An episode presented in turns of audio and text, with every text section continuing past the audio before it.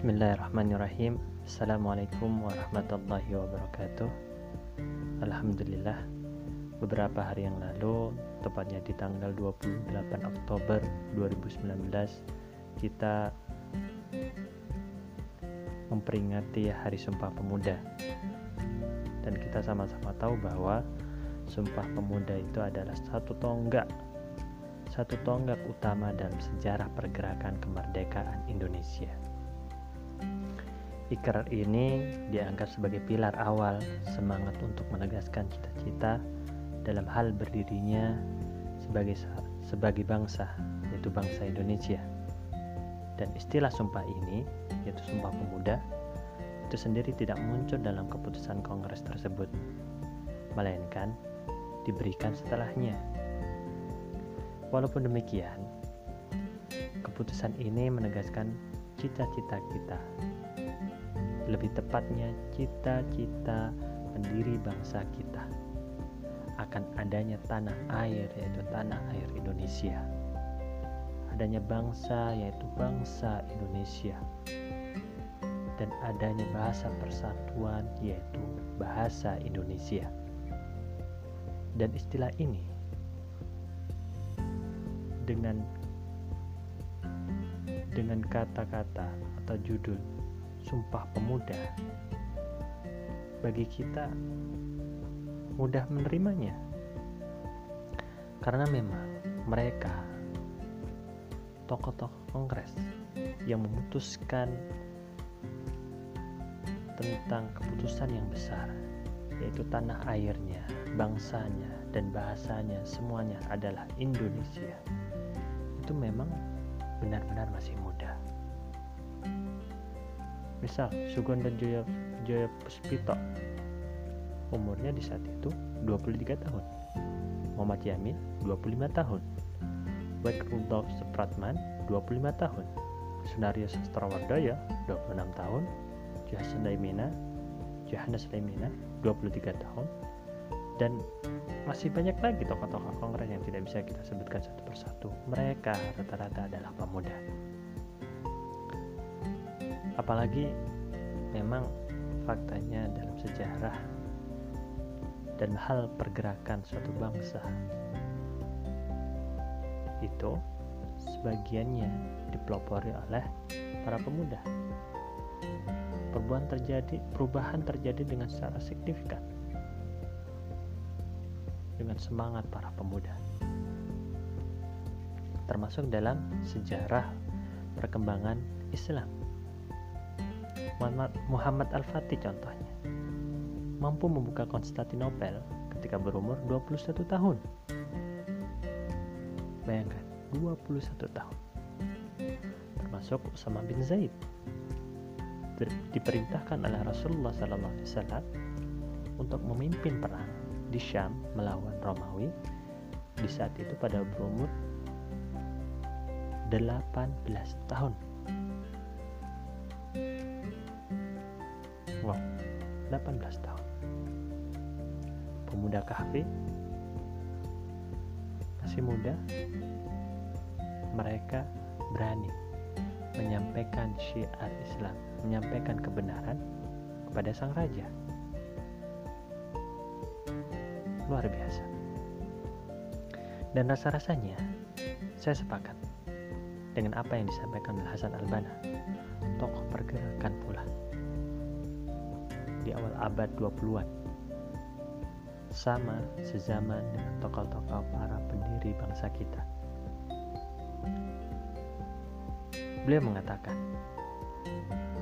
termasuk tertuang di dalam bukunya Risalah Pergerakan, yang isinya, sepertinya, keempat rukun ini, yakni iman, ikhlas, semangat, dan amal, merupakan karakter pemuda Sebab sesungguhnya dasar keimanan adalah hati yang cerdas.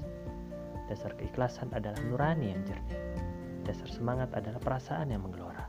Dan dasar amal adalah kemauan yang kuat. Dan itu semua tidak terdapat kecuali pada diri para pemuda. Karena itu, sejak dulu hingga sekarang, pemuda merupakan pilar kebangkitan setiap umat. rahasia kekuatan dalam setiap kebangkitan, dan pengibar panji setiap pemikiran. Sesungguhnya, mereka itu adalah pemuda-pemuda yang beriman kepada Tuhan mereka, dan kami tambahkan kepada mereka petunjuk. Al-Kahfi ayat 13 Maka dari apa yang disampaikan oleh Hasan al-Banna, saya menyimpulkan bahwa kewajiban kita selaku anak muda itu sangat banyak. Tanggung jawabnya sangat besar.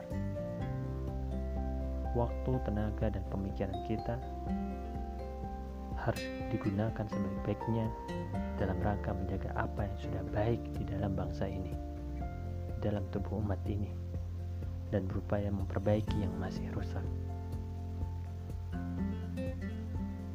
Maka mari dalam momentum Sumpah Pemuda ini. Selayaknya lah menjadikan kita sebagai orang yang beriman semakin naik keimanannya.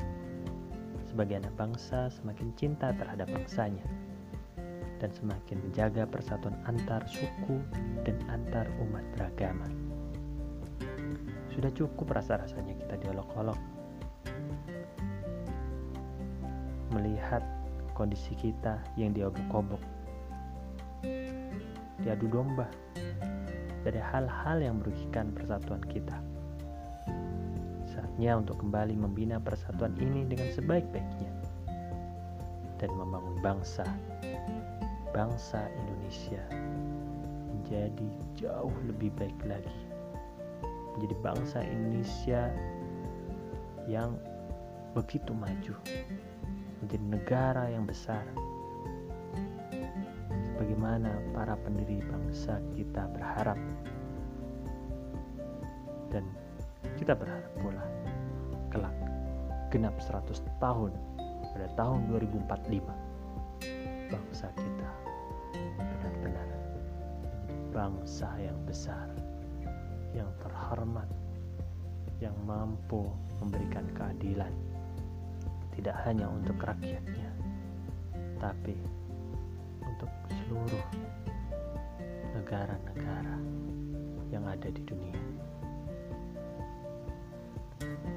Apakah kamu siap untuk membela negaramu? Untuk memajukan bangsamu? Untuk mensejahterakan orang-orang yang ada di dalamnya dengan banyak berkontribusi dan meningkatkan kapasitas diri demi bangsa dan negaramu? Apakah kamu siap? Apakah kamu siap?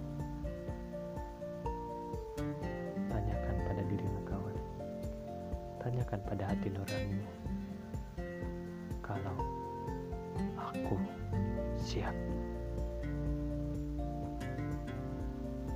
Jayalah negeriku. Jayalah bangsaku. Indonesiaku. Merdeka.